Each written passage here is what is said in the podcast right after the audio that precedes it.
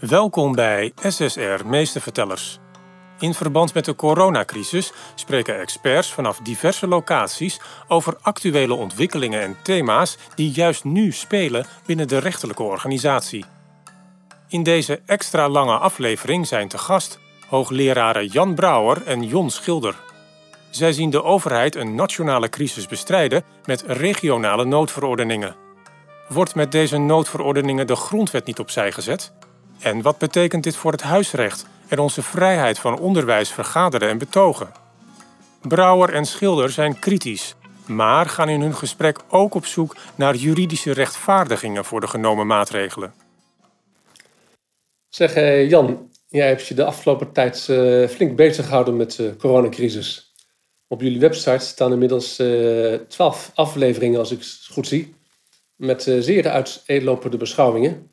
Ehm, ja, kun je misschien toelichten waarom wij een, ehm, een, waarom een wereldwijd om zich heen het virus, waarom, waarom dat bestreden wordt met een eh, regionale noodverordening? Heb je, heb je daar ook aandacht aan besteed in je, jullie website? Ja, zeker. Uh, op www.openbareorde.nl, daar staan die, eh, die blogs. Nou ja, wij, wij noemen het eigenlijk artikelen, maar goed, dat, dat doet er ook niet zoveel toe. En één van de blogs gaat over waarom we nou ehm, ehm, dit moeten bestrijden met een regionale noodverordening, terwijl het echt een landelijke rampcrisis is. Dat, dat, dat, is op zich uh, merkwaardig natuurlijk. Op die website hebben we geschreven dat het eigenlijk een, een vondst is, dus een trouvaille van de minister van VWS. Kijk, de minister van VWS is uh, degene die de leiding geeft bij de bestrijding van een infectieziekte, een ziekte die onder A valt. Um, dat doet hij op basis van artikel 7 Wet Publieke Gezondheid. En in dat verband kan hij aan burgemeesters opdrachten geven. Bijvoorbeeld quarantainemaatregel, isolatiemaatregel in een ziekenhuis. Um, maar dat was nou in dit geval juist niet voldoende om die infectieziekte te bestrijden. Dus de wet publieke gezondheid voorziet erin dat je ongezonde mensen kunt aanpakken. Maar eh, we wilden nou juist in dit verband het gezonde deel van de bevolking beperkingen opleggen. Ja, toen is er een verlichte geest bij VWS geweest. Die heeft gezegd, maar we kunnen die voorzitters ook opdrachten geven om noodverordeningen te maken. Dat was nooit voorzien om dat op deze manier te doen. Dat waren noodverordeningen die uh, betrekking zouden hebben op openbare ordeverstoringen, maar niet op het bestrijden van infectieziekten. Maar goed, daar is gebruik van gemaakt. Dus het is de minister van VWS, formeel althans. Um, informeel is het een commissie op regeringsniveau die dit soort van opdrachten verzint. Dat wordt dan gegoten in een officiële aanwijzing en op basis daarvan acteren, in dit geval niet de burgemeesters, maar de bevoegdheden is op grond van artikel 39 Wet Veiligheidsregio's opgeschaald naar regionaal niveau. En dan krijg je te maken met de superburgemeesters, om het maar zo te zeggen. Um, laten we zeggen, de burgemeesters van de grootste plaats in de desbetreffende regio. Nederland is opgesplitst in 25 veiligheidsregio's. En die komen tezamen onder, het, uh, onder de naam Veiligheidsberaad. Uh, de, de, voor, de voorzitterfunctie uh, wordt uitgeoefend door burgemeester Bruls van Nijmegen. Maar dat is dus in dit geval de voorzitter van ik geloof dat het uh, Gelderland uh, Zuid is, waarvan hij de voorzitter is. Kan ook midden zijn. Nee, ik dacht Zuid. Nee, goed, die voert dan die, die, die opdrachten van de minister uit. Uh, in dit geval vrij um, slaafs. er wordt geen enkele kritische vraag aan de minister gesteld. Van, kunnen wij dit wel in noodverordeningen en dergelijke? Rijkt onze bevoegdheid wel ver genoeg? Maar dat is dus um, ja, de achterliggende gedachte van het gebruik van die noodverordening. Dus het is eigenlijk heel, heel bijzonder. Maar goed, er zitten wel wat problemen aan dat gebruik van die noodverordening. Want ik zei al, het is een, een bevoegdheid die er min of meer met de haren is bijgesleept. Althans, voor zover het gaat om de bestrijding van een infectieziekte. Maar die noodverordeningsbevoegdheid, die is niet onbeperkt, bepaald niet. En die, en die bevindt zich maar op het niveau van ja, hetzelfde als een gemeentelijke APV, om het maar zo te zeggen. En uh, die bevoegdheid is zeer begrensd. Nou ja, dat hoef ik jou niet te vertellen, Jon, want jij hebt onder meer in kranten al in een vroegtijdig stadium geschreven. Hmm, dat is wel lastig hè, om dit allemaal te regelen met die noodverordeningen. Recentelijk, vorige week had je een artikel samen met mij overigens en samen met Adriaan Wieringa in het Nederlands Juristenblad, een opinie. Ja, waarin we toch zeggen, wetgever, je moet zo snel mogelijk deze zaak goed gaan regelen, want wij denken dat deze noodverordeningen ongrondwettig zijn. Dat is een forse beschuldiging. En we hebben er ook lang mee gewacht, want wij vonden aanvankelijk, nou ja, je moet die crisis aanpakken en dan moet je niet de overheid in de wielen gaan rijden. Maar ja, dit is wel wat er juridisch blijft staan. Dus mijn vraag aan jou is, hoe zit dat met die verhouding noodverordening grondrechten, noodverordening grondwet? Ja, um, ja, een tijdje geleden in de Volkskrant samen met uh, Jan van der Ginten de, uh, hebben tamelijk ja, constitutionele bezwaren naar voren uh, gebracht. Um, het is een, wel een beetje een ingewikkeld verhaal om uit te leggen. Um, want in eerste instantie denk je natuurlijk gewoon van ja, nood breekt wet. Dus waarom zou je nou niet met zo'n zo'n noodverordening die echt bedoeld is voor noodsituaties, waarom zou je al dit soort dingen daar dan niet mee kunnen regelen? Nou, het is, um, zoals ik zei, wat, wat ingewikkeld om uit te leggen. Dat heeft van alles te maken met het hele systeem van onze grondwettelijke beperkingensystematiek. Um, onze grondwetgever heeft in 1983, uh, toen we onze grondwet herzien uh, was, heeft een visie neergelegd dat um, grondrechten zo belangrijk zijn dat je die niet mag uh, beperken door gewone normale gemeentelijke verordeningen. Dus geen regelingen die gewoon gebaseerd zijn op de de algemene autonome verordenende bevoegdheid. Dus de, de, gemeenteraad mag niet gewoon op basis van een APV en ook de burgemeester niet op grond van een noodverordening uh, de grondwet opzij zetten. En wat betreft die noodverordeningen staat het zwart op wit uh, eigenlijk verankerd in 176 van de gemeentewet. Dus daarin staat dat de burgemeester van alle wetten mag afwijken, maar niet van de grondwet. Dus dat is een hele bewuste keuze geweest. Nou, uh, nu is er wel een redenering uh, door de regering verdedigd bij de herziening van de gemeentewet. En in 1994 hebben we een nieuwe gemeentewet uh, gekregen. En bij de totstandkoming van de gemeentewet waren er al Kamerleden die zich afvroegen: hoe, hoe zit dat nu eigenlijk precies met demonstraties? Hè? In het verleden zijn vaak demonstraties ook beperkt door middel van noodverordeningen. En kan dat nog eigenlijk wel? Nou, de regering zat duidelijk een beetje in een maag met deze eh, vragen. Want in eerste instantie kwamen ze met een redenering waarin ze zeiden van ja, in, ehm, bij de betogingsvrijheid staat dat het recht beperkt mag worden. Op grond van de formule behouden ze ieders verantwoordelijkheid volgens de wet. En die formule betekent dat uh, de wetgever in formele zin dus beperkingen mag aanbrengen. Nou, toen is uh, professor Kortman, uh, wijle professor Kortman, flink uit de slof geschoten. Die heeft een beetje een boos stuk geschreven in het Nederlands Juristenblad. En die zegt van ja, maar in wezen uh, wordt hier gedelegeerd aan de burgemeester. En deze clausule, die verbiedt juist delegatie. Nou, vervolgens heeft de regering in de memorie van antwoord bij de gemeentewet toen een nieuwe redenering op papier gezet. En daarin zegt ze van ja, eigenlijk is het zo dat die noodbevoegdheid, die past eigenlijk wel in het tweede lid van artikel 9. Dat is weer een beetje technisch, maar de tweede lid staat de mogelijkheid om een bevoegdheid te geven aan gemeentebesturen om uh, demonstraties te reguleren. Dus in het tweede lid staat wel een delegatiemogelijkheid. En zegt de regering, in het verleden zijn zo vaak demonstraties verboden met noodverordeningen, dat je er eigenlijk wel van mag uit mag gaan dat deze bevoegdheid wel degelijk een specifieke bevoegdheid is. Echt bedoeld om grondrechten te beperken. Nou ja, ehm, ik heb wel wat bezwaren tegen deze redenering, omdat het ja, dat is gewoon een normale wet in formele zin die aangepast wordt. En dan kun je nog niet terugkomen op datgene wat de grondwetgever heeft vastgelegd. En bovendien geldt deze redenering, als je die al zou volgen, alleen voor demonstraties, maar bijvoorbeeld niet voor het huisrecht. Nou, daar zit een beetje het probleem. Want als je nou kijkt, en dan rond ik af, Jan. Ehm, uh, als je kijkt welke grondrechten hier allemaal in het geding zijn, is de onderwijsvrijheid, de vergadervrijheid, de betogingsvrijheid, maar met name ook het huisrecht en het recht op bescherming van de persoonlijke levenssfeer. Hè, door al die bezoekverboden. En al die verboden dat je, hè, je mag thuis geen bijeenkomsten meer organiseren. Nou, dat is een tamelijk ingrijpende inbreuk op het huisrecht. En daar, eh, eh, deze rechten, die kun je dus niet beperken door middel van noodverordeningen. Nou, dat is dus de hele redenering. ik hoop dat het een beetje duidelijk is, want ja, het is technisch nogal ingewikkeld. Ja, zeker is het ingewikkeld. Maar kort gezegd zeg jij van ja, we hebben in 83 een beperkingensystematiek afgesproken. Dat betekent dat elke beperking in een wet in formele zin moet staan. dat er soms delegatiemogelijkheid is, maar dat in dit geval aan geen van beide wordt voldaan. Dus de bevoegdheid is niet te herleiden tot een grondwettelijke clausule. En ja, dat kan niet. Nee, dat is kort en bondig de redenering. Dus eigenlijk heel simpel, 176 van de gemeentewet zegt gewoon... je kunt niet afwijken van de grondwet. En dat gebeurt hier eigenlijk. Nee.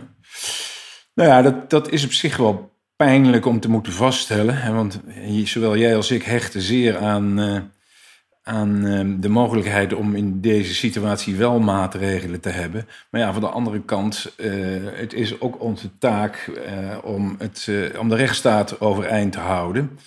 En wat ik in de afgelopen maanden gezien heb, is dat dat wel ontzettend lastig is. Als je met deze kritiek komt, dan krijg je honderden mailtjes van mensen die vragen of je wel goed wijs bent.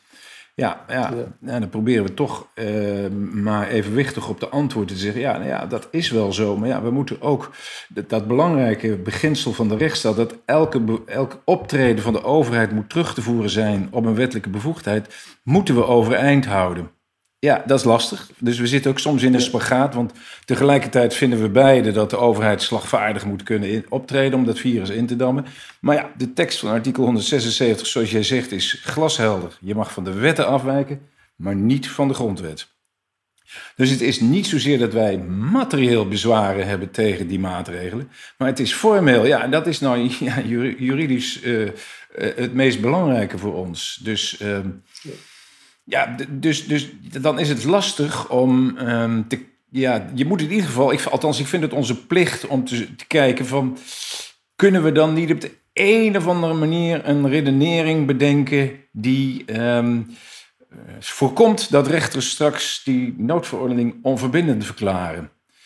Uh, want ja, iets anders zie ik vooralsnog niet. Maar misschien zijn er redeneringen denkbaar om die verordeningen, die behoorlijk, maar dan ook echt fors inbreuk maken op grondrechten, om die uh, te rechtvaardigen, om die te legitimeren. Kijk, uh, de voorzitter van het Veiligheidsberaad, uh, dat is het overlegorgaan van de voorzitters van de veiligheidsregels, ziet überhaupt geen probleem. He, die zegt, ik ben trots dat we het virus voorlopig hebben weten terug te dringen zonder de noodtoestand te hebben hoeven afkondigen. Zoals dat in andere landen is gebeurd. Hè. Denk aan Spanje, denk aan uh, Amerika, Verenigde Staten van Amerika. En wij hebben dat, hè, wij hebben dat uh, niet hoeven doen. Wij hebben niet onze toevlucht hoeven te zoeken tot het uitroepen van die noodtoestand. Uh, en daar zegt hij eigenlijk mee: we hebben niet het geschreven staatsnoodrecht in werking hoeven te stellen. Ja, dan miskent hij dat wat we nu doen veel verder gaat dan mogelijk zou zijn als we de noodtoestand hadden uitgeroepen.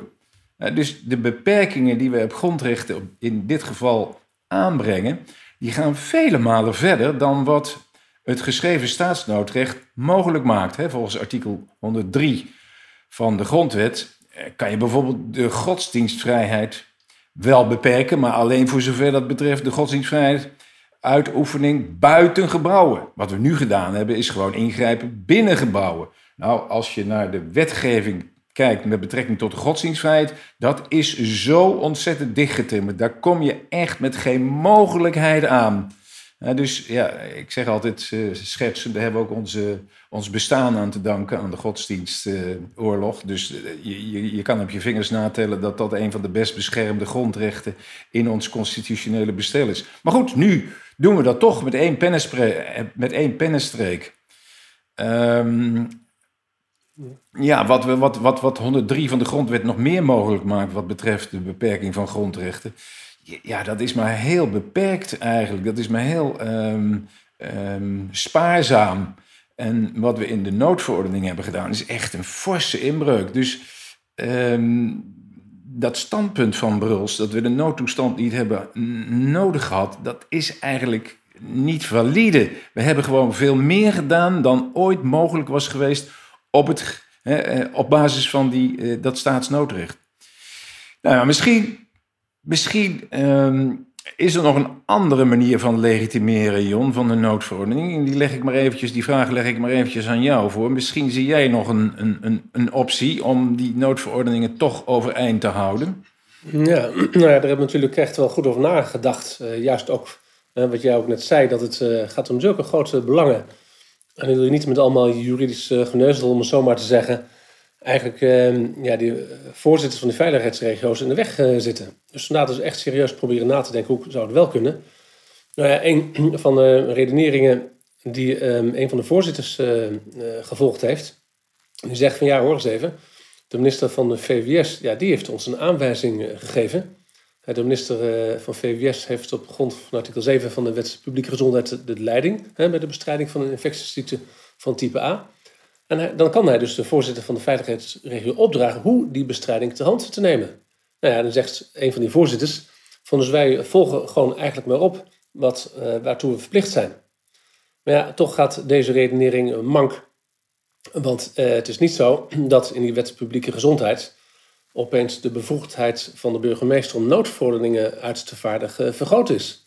Het enige wat die wet doet, het enige wat mogelijk is, is dat die bestaande bevoegdheid van de gemeentewet om een noodverordening af te kondigen, ja, die bevoegdheid, uh, daar kan de voorzitter gebruik van maken. Maar die wordt dus niet uitgebreid. Het is niet zo dat daarmee op, opeens de grondwet opzij gezet uh, kan worden. Dus ja, hoe goed het misschien bedacht is, uiteindelijk kan ook dit argument nog niet slagen. Zie jij nog wat, Jan? Nee, als die aanwijzing dus niet ehm, de mogelijkheid biedt om, die, uh, om de hand boven het hoofd van de noodverordening te houden en het geschreven staatsnoodrecht eigenlijk ook niet, want dat hebben we gewoon niet benut. Ja, dan zou je misschien nog moeten denken of kunnen denken aan ongeschreven staatsnoodrecht. Dat hebben we natuurlijk ook nog. Dat is in het verleden af en toe wel eens uh, van stal gehaald. Dus ja, misschien zit daar een mogelijkheid in. Zie jij daar nog iets uh, van een mogelijke rechtvaardiging? Ja, nou ja, Eén redenering die we een, ehm, een jaar geleden een keer in een, noodbene uitspraak hebben uh, verdedigd. En toen ging, dan gaat het om het bekende probleem van een, ehm, een crimineel die terugkeert uit gevangenis in zijn woning. Dan beschoten wordt. En wat burgemeesters dan in de praktijk tegenwoordig vaak doen. Dan, geeft, dan krijgt zo'n uh, crimineel een gebiedsverbod opgelegd voor zijn eigen woning. Nou, dat gebeurt met een lichte bevelsbevoegdheid. Daar mag je al helemaal niet uh, mee van afwijken van de grondwet. Maar toen hebben wij de redenering um, verdedigd dat je eigenlijk een uh, ja, kortdurende incidentele noodsituatie is, als er sprake is van een botsing van grondrechten, dat je dan het grondrecht wat het zwaarst weegt voorrang moet geven. En in, in dat geval heb je te maken enerzijds met het recht op leven hè, van de omwonenden, die ook getroffen dreigen te worden door kogels, en het uh, huisrecht van uh, die ex-crimineel. Nou, dan zou de burgemeester kunnen zeggen om even snel dat probleem op te lossen.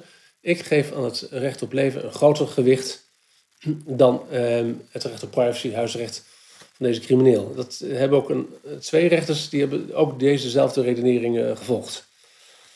Maar ja, dat is toch ehm, in dit geval wel iets ehm, ingewikkelder, lijkt het zo.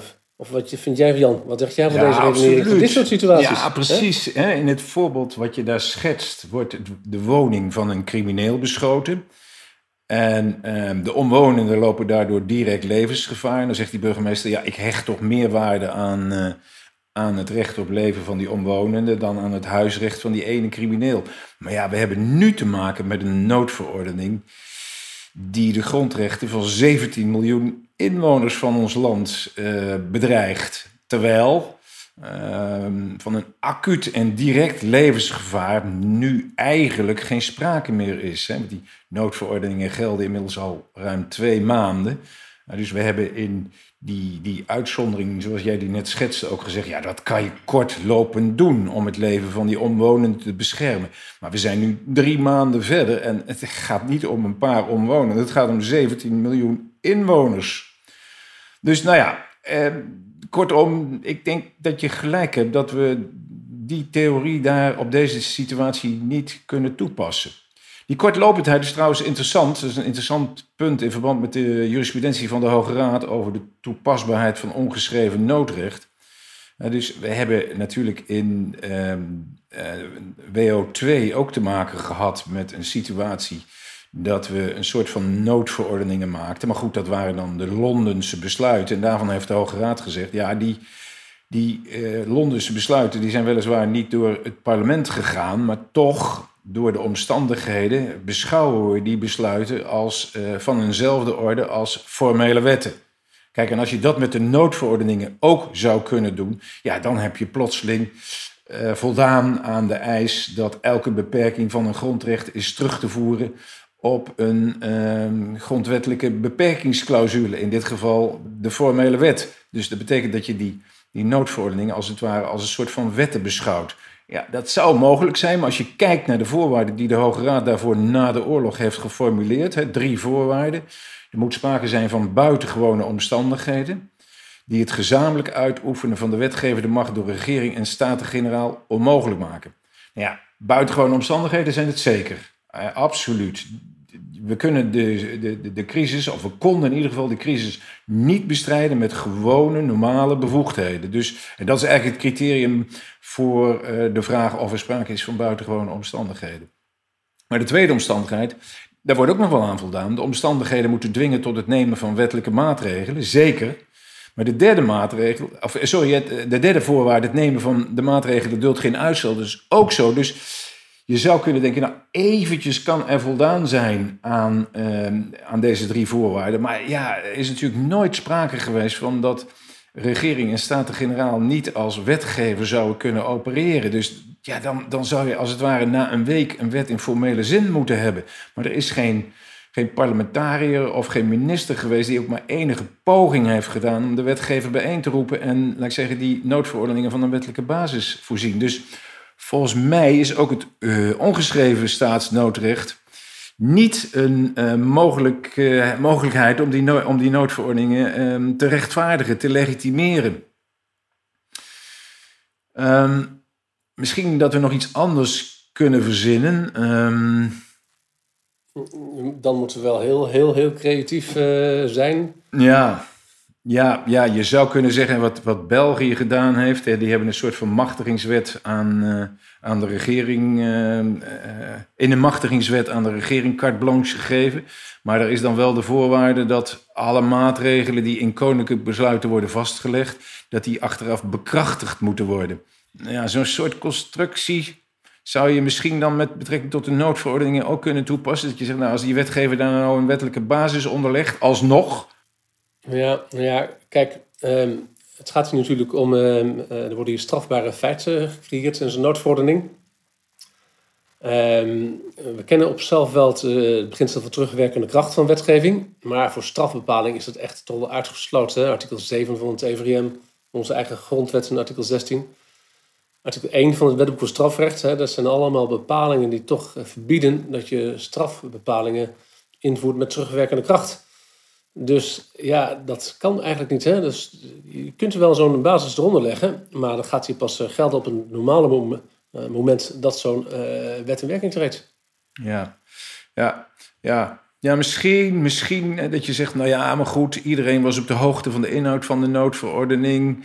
Uh, iedereen wist dat hij daarmee een strafbaar feit zou plegen. Dus het is niet echt zuiver terugwerkende kracht. Of zie je helemaal niks in dit argument? Mm, mm, nee, nou ja, nee, dat kijk, bij uh, belastingmaatregelen gebeurt het nog wel eens. Hè? Wetgeving bij persberichten wordt het wel eens genoemd. Als een aftrekregeling verdwijnt, dan zegt de minister... nou, we gaan een wettelijke regeling maken, die wordt over een half jaar ingevoerd.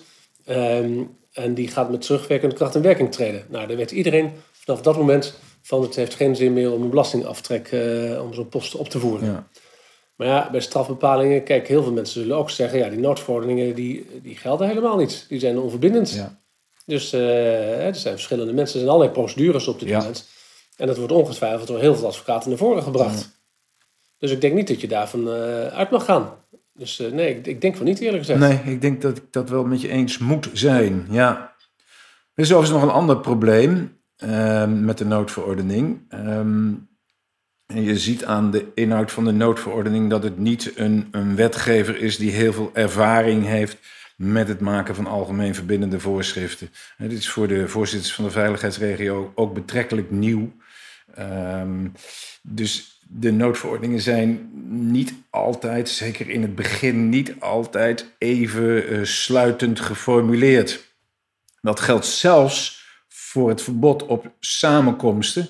En juist met betrekking tot um, het verbod op samenkomsten worden verreweg de meeste boetes uitgeschreven. Ten eerste speelt daar het probleem wat we eerder ook al schetsten, maar misschien kan je daar zo direct nog eens eventjes op ingaan. Door middel van het verbod van samenkomsten grijp je diep in op de vergadervrijheid, die in artikel 9 van de grondwet wordt beschermd. Nou, je hebt over artikel 9 in het verleden, in een grijs verleden, een prachtig proefschrift geschreven. Ehm, dus, dus ik leg eerst die vraag nog maar eens eventjes bij jou. Hoe zie jij dat? Grijpen die samenkomsten inderdaad in op het, het dat verbod op samenkomsten inderdaad in op de vergadervrijheid? Uh, en ik zou het met name interessant vinden als je ook nog eens eventjes een vergelijking maakt. Jouw proefschrift was rechtsvergelijkend van aard. Hoe men daar in Duitsland over denkt, want daar heb je toen uitgebreid aandacht aan besteed. Ja, toen ik met dat proefschrift uh, begon, ging uh, zowel over de vergaderingen als betogingen. Toen was er in Nederland nog eigenlijk helemaal niets te schrijven over demonstraties. We hadden daar geen regelgeving over. Dus ik dacht van ik begin maar met Duitsland. En nou ja, daar staat inderdaad de, de, de verzamelingsvrijheid, de vergadervrijheid. En al die Duitsers, dat zijn mensen die dikke boeken schrijven ook over elke willekeurig onderwerp van het recht. Um, en daar hebben ze echt nagedacht van ja, waar, die vergadervrijheid, wat, welk belang beschermt dat nou eigenlijk? Nou, uh, ook in de Nederlandse literatuur uiteindelijk heel veel discussie. moet je bij elkaar komen voor echt een vergadering? gemeenschappelijke beraadslaging? Of gaat het ook ergens anders uh, over? Nou, de meeste Duitsers die zeggen eigenlijk van waar het recht tot vergadering, waar het om gaat, is eigenlijk gewoon de, het tegemoet komen aan de behoefte van mensen om bij elkaar te komen voor bepaalde doeleinden.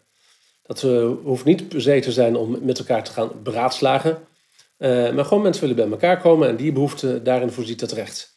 Nou, onze grondwetgever die is heel spaarzaam geweest in de, in de toelichting. Dus uh, we vinden niet heel veel aanknopingspunten. Maar ik denk wel dat je kunt zeggen, als mensen met een gemeenschappelijk doel bij elkaar uh, komen, dat je dan al vrij snel binnen het bereik valt van de, de vergadering. En dat meningsuiting, hè, of niet per definitie een, een, doel daarvan is. Dus dat betekent inderdaad dat zo'n samenkomstverbod in elk geval op hele gespannen voet staat met dat recht tot vergadering. Ja, ja. Nou, even een uitstapje, zou ik zo zeggen. Ja, zeker. Maar wel interessant, hè, want de Duitsers uh, die schrijven een proefschrift in draaibender. Dus uh, die hebben ja, meestal de zaak wel heel erg uh, goed uitgezocht. En het is toch interessant om dat nog even mee te nemen. Maar stel nou, Jonne, dat die rechters toch een redenering vinden om dat verbod op samenkomsten niet in strijd te vinden met de vergadervrijheid. Nou, er is nog een ander probleem. die samenkomsten, dat verbod op samenkomsten was ook zodanig geformuleerd dat um, vergaderingen of samenkomsten achter de voordeur werden uh, verboden. Dat betekent dus dat er ook boetes zijn uitgedeeld voor bijvoorbeeld coronafeestjes in studentenhuizen. Zowel in jouw stad Leiden als in mijn stad Groningen. Wat vind je daarvan? Valt zo'n coronafeestje onder het begrip verzameling, onder het begrip vergadering? Ja, goed, we hebben daar geen echte jurisprudentie over. Hè? Dus geen bindende interpretatie van de rechter hierover. Dus in Duitsland uh, vind je allerlei opvattingen daarover. Um, maar ik uh, denk wel dat je de grondwet op een redelijke manier zodanig uit kunt leggen dat die samenkomsten daar ook onder vallen. Maar nogmaals, ja, we hebben daar dus geen gezaghebbende interpretatie nee. uh, voor. En het zou kunnen zijn dat toch een rechter zegt van nou nee, als ik kijk naar het recht tot vergadering, dan moet er toch wel iets meer aan de hand zijn en er moet toch echt wel bij elkaar gekomen zijn om voor een uh, uitwisseling van gedachten of dergelijks dan alleen maar een feestje. Ja. En dat is puur net zoals amusement, net zoals cultuur bijvoorbeeld. Als je naar een bioscoop toe gaat met een aantal mensen, dan valt het ook niet onder een dergelijke grondwettelijke bepaling. Dus ik ben er niet helemaal zeker van of dat echt uh, ook automatisch toch onder die grondwettelijke bepaling zou vallen. Zou het dan van het verweer van studenten kunnen afhangen? Doordat ze zeggen van ja, dit was geen feestje, maar dit was een bijeenkomst waarin we allerlei punten bespraken van onze vereniging? Ja, er is uh, een stokoud arrest van Hoge wat ik destijds tegenkwam bij het proefschrift. Het ging om een aantal mensen die zaten in een café bij elkaar. Er was een sluitingstijd inmiddels uh, voorbij. En uh, nou goed, er werden boetes opgelegd. En toen zeiden die café-gasten, ja hoor eens even, we zijn hier aan het vergaderen met elkaar. Dus hey, het is een inbreuk op ons vergaderrecht. Nou ja, daar heeft de Hoge Raad natuurlijk korte metten mee gemaakt. Dus ehm, als het evident is hè, dat je een grondrecht probeert in te roepen eigenlijk alleen maar om uh, ja. ja. de wet te ontduiken, bij wijze van spreken, als het vrij evident is. Ja. Maar aan de andere kant, je weet het niet zeker. Ik bedoel, studenten komen regelmatig bij elkaar toch wel degelijk om met elkaar uh, iets af te spreken. Dat is volstrekt normaal. Ja. Dus het is meer een bewijstechnische kwestie waar je dan mee te maken krijgt. Ja, ja. Er doet zich overigens nog een probleem voor met dat verbod op samenkomsten. De noodverordening verbiedt dus ehm, eh, alle samenkomsten. Aanvankelijk was er een hele ingewikkelde formulering. Maar daar hebben wij op ons blog eh, aandacht voor gevraagd en gezegd van... jongens, dit kun je burgers niet aandoen. Dit is voor de, voor de doorgewinterde jurist al lastig om eh, te kunnen achterhalen wat hiermee wordt bedoeld. Dus formuleer dat helder. Nou, dat is ook gebeurd in de laatste twee versies van de noodverordening. Er zijn gewoon samenkomsten in zijn algemeenheid verboden... Dat gaat dan weer een beetje te ver, want dan zouden ook betogingen eronder vallen. Maar dat is later weer gerepareerd in een toelichting. Gezegd: nee, het is niet de bedoeling dat het recht tot betogen eronder valt. Nou ja, goed, los daarvan. Maar er is, er is een ander probleem in de zin van. In artikel 1 worden samenkomsten verboden. Dat moet je, zoals jou net hebben horen uitleggen, heel ruim uitleggen. Maar in artikel 2 wordt groepsvorming toegestaan. Mits de leden van de groep maar anderhalve meter afstand tot elkaar behouden. Dus ja, dat staat min of meer haaks op elkaar, op elkaar. Want wat is nou het verschil tussen een, een, een, een eh, samenkomst en een, uh, en een groep? Een samenkomst is per definitie een groep van mensen. Nou, zegt de voorzitter van het Veiligheidsberaad, het verschil zit in de organisatiegraad. Bij een groep kom je elkaar toevallig tegen en bij een samenkomst spreek je met elkaar af. Dus als je elkaar toevallig in het park tegenkomt, dan zou je niet strafbaar zijn. En als je uh, met elkaar afspreekt, we gaan om drie uur in het uh, Noorderplantsoen zitten, dan zou je wel strafbaar zijn. Ja, dat roept natuurlijk heel veel onduidelijkheid op voor de burgers. Maar wat ik veel lastiger vind en veel problematischer vind, de zin van zo'n verbod ontgaat je dan ten elemale. Want het is toch de bedoeling van alle maatregelen om de verspreiding van het virus tegen te gaan. En ja, je kan toch niet zo zijn dat als je uh, op afspraak bij elkaar komt, dat je dan het virus wel verspreidt. En als je niet op afspraak bij elkaar komt, dat je het virus niet verspreidt. Dat is, laat, ik zeggen, dat is niet uit te leggen aan, aan, aan burgers. Uh, en nog even afgezien van, de, nou, sloot jij net ook mee af, van ja, als um, een BOA daar een um, bonnetje voor uitschrijft en die um, de studenten of wie dan ook, die houden bij hoog en laag vol dat ze elkaar bij toeval zijn tegengekomen in het plantsoen ja, dan moet je, krijg je een omvangrijke uh, jurisprudentie over wat is bij toeval tegengekomen enzovoorts. Hè? Want ja, had je, kwam je er elke dag? Uh, ja, ja, oh ja, maar dan is geen. Nou, ik zie een hele lastige problematiek ontstaan. Uh, en met ook veel bewijsproblemen voor het OM. Dus ik vind ook dat een punt wat. Uh, ja, wat, laat ik zeggen, voor rechters toch wel, in dit geval dan de strafrechter, de nodige problemen gaat opleveren. Maar misschien zie jij het nog anders, John. Misschien uh, heb jij nog gedachten hierover. Nou ja, ik denk, kijk, uh, ook strafrechters proberen natuurlijk ook rekening te houden met uh, ja, de maatschappelijke realiteit. Datgene wat, en dat toch met de beste bedoelingen deze verordeningen tot stand komen. Ja.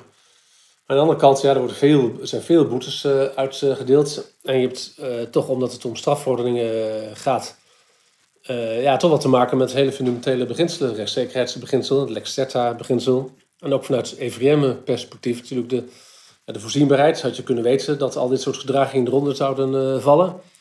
Dus uh, dat zijn toch wel hele lastige hobbels. zelfs als de strafrechter dus echt mee wil denken van nee, in principe zou het mogelijk moeten zijn bij wijze van spreken. Laten we niet moeilijk doen over juridische bezwaren. Ja, nou ja, goed, dan denk ik toch dat het best wel lastig zou zijn. Zou, zou bijvoorbeeld de, de redelijke interpretatie... We hebben, we hebben natuurlijk eh, een hele strikte grondwettelijke beperkingen systematiek. Um, alles moet terug, elke beperking moet terug te voeren zijn op een uh, uh, grondwettelijke clausule. Ja. Um, zou misschien de redelijke interpretatie dan nog een, een, een, opening bieden om die noodverordeningen te rechtvaardigen? Ja, dus um, Kijk, die redelijke interpretatie, dat is inderdaad een, eh, soort achterdeur die de regering destijds geopend heeft om ervoor te zorgen dat die grondrechten niet een te al te rigide werking hebben. En als je nou kijkt naar de standaardvoorbeelden die destijds ook genoemd zijn, dan zie je bijvoorbeeld als, als je in een kerk maar op grond van brandveiligheidsvoorschriften met 100 mensen bij elkaar mag zijn, en we zijn er bij spreken 150, ja, als dan de politie zegt, jongens, dit kan niet, deze bijeenkomst is afgelopen, ja, dat is het idee, dat is dan geen inbreuk op de godsdienstvrijheid. Hè. Dit is meer een soort, soort algemene redelijke beperking die, het helemaal, die ook niet zo'n doelstelling heeft om grondrecht te beperken. Maar het min of meer toevallig doet, sprongelijk eigenlijk. Nou, dat soort En het andere voorbeeld, vroeger de hinderwetsvergunning voor drukkerij.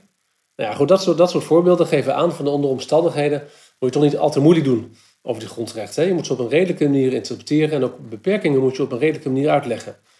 Maar ja, als je kijkt wat er hier gebeurt, dan hè, geen enkele samenkomst is meer toegelaten, geen enkele demonstratie, geen enkele vergaderingen. Bejaarden, verpleeghuizen mogen helemaal geen bezoek meer ontvangen. Dus eigenlijk komt het erop neer dat ze op geen enkele manier die grondrechten kunnen uitoefenen. En dat is natuurlijk bij zo'n kerkbijeenkomst ja, nog steeds mogelijk als je maar houdt aan de brandveiligheidsvoorschriften. Maar je kunt je niet en houden aan deze voorschriften en bezoek ontvangen. Nee. Zo die reden denk ik dat hier dat uh, hele leerstuk van die redelijke interpretatie. Ja, ik vermoed niet dat dat veel kans van slagen zal hebben, eerlijk gezegd. Dat kan ik me niet voorstellen. Nee, het zou ook wel wat betekenen dat je gewoon vijf à zes grondrechten echt heel ingrijpend beperkt.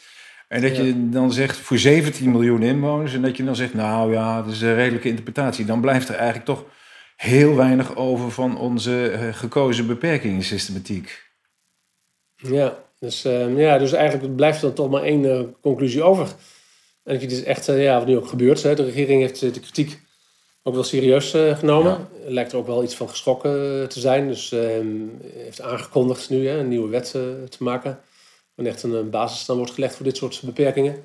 Dus dat, ja, dat is de koninklijke weg. Maar ja, nogmaals, eh, ik denk dat we beide toch wel van mening zijn dat die niet met terugwerkende kracht ingevoerd kan worden. En dat het alleen voor de toekomst soelaas biedt. Dus dat is toch een beetje de conclusie, denk ik, van dit verhaal, lijkt me zo. Ja. inderdaad. Men is nu druk doende een, een wet te creëren. En dat moet dan een spoedwet zijn. Zie jij het ervan komen, Jon, dat die naam van spoedwet inderdaad op die wet geplakt kan worden? Of zeg je van nee, er zijn zoveel fundamentele rechten in dit geding. Ik kan me niet voorstellen dat dit niet lang gaat duren. Ik vrees van wel. Aanvankelijk uh, dacht natuurlijk allemaal ook, toen ik op de universiteit het horen kreeg dat ik de volgende dag geen college meer mocht, mocht geven. Toen dacht ik in eerste instantie nog even dat het voor twee weken was. Ja. Heel veel mensen dachten het is even tijdelijk. En toen opeens, nou nee, het gaat iets langer duren.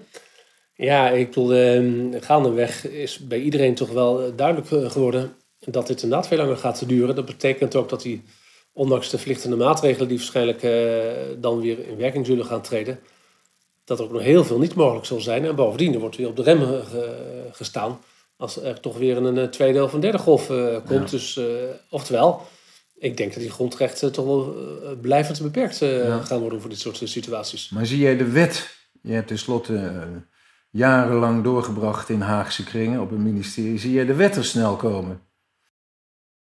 Ja, kijk, de laatste wetten die we gezien hebben, de spoedwetten, zijn er heel snel gegaan. Een van de eerste wetten die, is binnen twee weken tot stand gekomen. Ja. Maar ja, dat waren toch meer ook technische voorschriften. Bijvoorbeeld om gemeenteraadsvergaderingen digitaal te kunnen laten plaatsvinden. Ja. En hier gaat het natuurlijk om hele ingrijpende maatregelen. Dus dat betekent dat er in het parlement toch wel iets meer discussie zal ontstaan dan bij die eerste golf van wetgeving. Ja. Dus ik denk inderdaad dat het toch wel iets langer gaat duren. Dat vermoed ik wel. Wat denk je? Is er eerder een vaccin of is er eerder een wet? ja, nee, dat eh, zou ik geen weddenschap over durven af te sluiten, eerlijk gezegd. Nee, nee, We kunnen helaas ook niet aan onze deelnemers uh, vragen, want dan kunnen we geen vragen stellen, helaas. Nee, nee, Het is wel interessant wat je zegt, dat er nog meer spoedwetgeving heeft plaatsgevonden. Onder andere dan de mogelijkheid om digitaal te vergaderen voor de vertegenwoordigende organen. Er is nog een spoedwet aangenomen. Er is uh, een wet aangenomen op basis waarvan uh, de voorzitter van de veiligheidsregio een uh, bestuursdwangbevoegdheid heeft gekregen. En dat is vanuit rechtsstatelijk oogpunt ook interessant, want um, noodverordeningen zijn eeuwenlang strafrechtelijk gehandhaafd. En, um, door vroeger alleen opsporingsambtenaren, nu dan ook door bijzondere opsporingsambtenaren. En daarvan hebben de voorzitters gezegd ja, dat is eigenlijk uh, onvoldoende om te kunnen handhaven. Wij willen graag een bestuursdwangbevoegdheid krijgen. Zodat we een bedrijf bijvoorbeeld, als een bedrijf toch de verboden in de noodverordening terzijde schuift, dat we een, een dwangsom kunnen opleggen. En dat is in de praktijk ook gebeurd.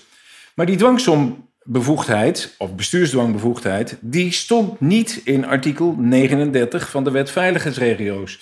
Dus dat is een bevoegdheid die niet is overgegaan van de lokale burgemeesters naar de voorzitters van de veiligheidsregio. Nou, dat, die probleem met een Grapperhaus voorgelegd. En die kwam met uh, de omineuze redenering. Ja, maar dat is een fout van de wetgever. Natuurlijk heeft die wetgever ook bedoeld die bevoegdheid over te laten gaan. Dus uh, wat mij betreft kunnen de voorzitters van de veiligheidsregio die bevoegdheid gewoon toepassen. We zullen de omissie nog wel even van de wetgever corrigeren door ook een wet te maken. Die dan expliciet die bevoegdheid toekent. En tot mijn stomme verbazing heeft hebben een aantal voorzitters gewoon in dat interregnum, dus terwijl die bevoegdheid nog niet in de wet stond, in de wet veiligheidsregio's, gewoon die bestuursdwangbevoegdheid toegepast. En tot mijn nog grotere verbazing hebben rechters dit gewoon gepasseerd. Gezegd van, nou ja, uh, die bestuursdwangbevoegdheid, uh, sorry, die dwangsombevoegdheid kan worden opgelegd. Dus, uh, en, en zich helemaal niet de staf gebroken of die bevoegdheid wel in de wet staat. Ja, ik vond dat eerlijk gezegd onbestaanbaar. Maar ik heb daar inmiddels met een aantal bestuursrechters over gediscussieerd. Maar ik ben heel benieuwd wat jij ervan vindt. Die zeggen, ja, maar als het niet aangevoerd is, hè, 869 AWB... ja, dan hoeft een rechter zich er ook niet over uit te laten. Nou, mijn vraag aan jou is, vind jij dit, dit niet een zodanig essentieel voorschrift... dat de rechter hier toch geacht wordt de wet te kennen? Jus curia novit. Ja, het is bijna een beetje een eh, retorische vraag, ook zoals je hem stelt natuurlijk. Eh, een paar jaar geleden is er bij een symposium eh, bij de Raad van State, dat was het afscheid van mevrouw Schudde-Vlasblom. Toen is dit onderwerp ook te sprake gekomen. En toen bleek dat er binnen rechters, binnen de rechterlijke macht, inderdaad een grote mate van ja, verdeeldheid, dat klinkt misschien wel sterk, maar toch verschillende opvattingen bestaan over die plicht van de rechter om alles half aan het recht te toetsen. Het is een, een wijd en zijd verbreide opvatting, hè, dat we advocaten van alles zelf aan moeten voeren en zo niet hebben ze pech gehad. Maar gelukkig was er ook een, eh, belangrijke vertegenwoordiging, ook onder de staatsraden, die zei: Nou, nee, dit is, ja, het is toch wel een belangrijk beginsel dat de rechter altijd het recht toepast. Maar ja, welke rechtsregels dan precies? Je hebt belangrijke rechtsregels en iets minder belangrijke rechtsregels. Nou, als je daar, als je daar het criterium neerlegt, dan denk ik eerlijk gezegd toch wel dat uh, voorschriften die uh, heel ingrijpend zijn, en die gewoon een heel groot effect hebben op het leven van de mensen, nou, dat, dat je dan toch wel als rechter eerst moet vaststellen van is deze regeling wel verbindend. Ja. Maar als het gaat om een relatief onbelangrijke administratieve verplichting, bij wijze van spreken, ja. Ja, dan, ja, dan kun je misschien ook niet verwachten dat de rechter uh, dat allemaal kent. Dus je mag best wel iets meer van de advocatuur dan uh, verwachten. Ja. Maar om, om de antwoord te geven op je vraag, ik denk in dit geval dat de rechter toch echt wel ambtshalve zelf ook de vraag moet stellen van is hier zo'n bevoegdheid, zo'n bestuursdwangbevoegdheid of dwangsbevoegdheid toegekend? Want dit, dit is een ingrijpende bevoegdheid. Dus daar geldt toch wel de legaliteitsprincipe heel sterk uh, voor. Dus ik zeg ja, nee, ambtshalve uh, toetsen. Of inderdaad, die mogelijkheid is uitdrukkelijk is gecreëerd door de wetgever. Ja. Ja, ik ben dat geheel en al met je eens. Ik was eerlijk gezegd geschokt dat ik dat in een uitspraak niet zag gebeuren. Toen dacht ik, goh, wat... Ja, misschien ben ik nu te dramatisch hoor, maar ik dacht wel van het is wel, wel, wel, saai natuurlijk ook voor de luisteraars zelfs, we het steeds eh, eens zijn. Dus ik had uh, gehoopt dat je toch ergens op een bepaald punt, dat we even elkaar in de haren vliegen. Nou ja, ehm, nee, ik, ik wou eigenlijk afsluiten met van, nou ja, ik, ik ben in het verleden heel vaak bij mezelf te raden gegaan. Is het nou noodzakelijk om zo kritisch te zijn altijd op die overheid? Maar als ik één ding in de afgelopen periode heb geleerd, en met name van, uh, van wat er met de bestuursdwang en de dwangsom is gebeurd, dat ik dacht, goh, dat, dat, dat moet ook echt tegengeluid uh, gehoord worden, want anders glij je zomaar af. En dan, dan, dan blijft er niets van onze rechtsstatelijke principes over. Dus ik ben wat dat betreft een beetje gesterkt in mijn opvatting dat je die overheid toch maar met gezonde kritiek moet blijven benaderen. Ja, nou ja, eh, nogmaals, het gaat een beetje om welke belangen het uh, gaat. Ik vind in heel veel situaties moet je de overheid of degelijk het voordeel van de twijfel geven, omdat het algemeen de overheid toch het algemeen belang probeert te dienen. En ik vind ook dat je in het algemeen uit moet gaan van integere uh, overheidsambtenaren en bestuurders. En daar is gelukkig in Nederland toch sprake van. Ook juist bij deze infectieziekte gaat om ontzettend groot belang. Ja. Dus ik geef ze heel graag het voordeel van de twijfel, ook in ons belang van onze eigen gezondheid zou ik zo zeggen, en de luisteraars hier. Maar ja, goed, het gaat om zulke ingrijpende belangen die in het geding zijn, dat je dan toch denk ik wel uh, principieel moet blijven redeneren, zonder echt moeilijk te willen doen. Ja. En dus dat is echt. Nou, we, hebben, we hebben geprobeerd, allerlei mogelijke manieren hebben we rechtvaardigingen proberen te verzinnen voor deze regels. En uh, met de beste bedoeling uh, lijkt het ons toch betrekkelijk moeilijk om die rechtvaardiging te vinden. Dus de grote verantwoordelijkheid voor de rechter binnenkort om ja, die eh, toetsing van die noodverordeningen te gaan doen. En te kijken, van, wordt er wel of geen boetes opgelegd. Ik ben heel, heel benieuwd naar de eerste uitspraken op dit, dit terrein. Ja. Ja. we wensen dus de rechters heel veel wijsheid toe, zou ik zelfs zeggen, bij dit soort vraagstukken. Want zij moeten de knopen doorhakken. Wij kunnen gemakkelijk vanaf de zijlijn van alles toeteren. Maar ja, daar gaat het natuurlijk om, hè? Ja. Dit was SSR Meestervertellers. Wilt u op de hoogte blijven? Abonneer u dan op onze podcast. Graag tot een volgende keer.